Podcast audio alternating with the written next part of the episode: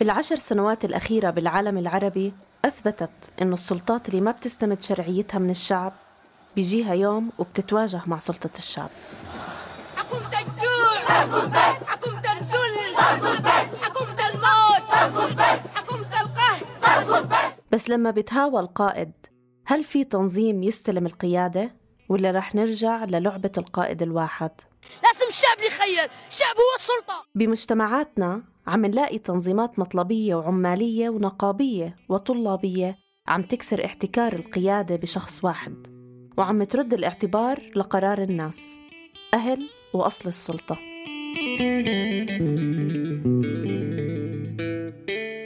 ندعيكم ترافقونا في بودكاست أثار الموسم الثاني لنتعرف على تطور مفهوم القيادة التشاركية من خلال نماذج عم تثبت نفسها بالعالم العربي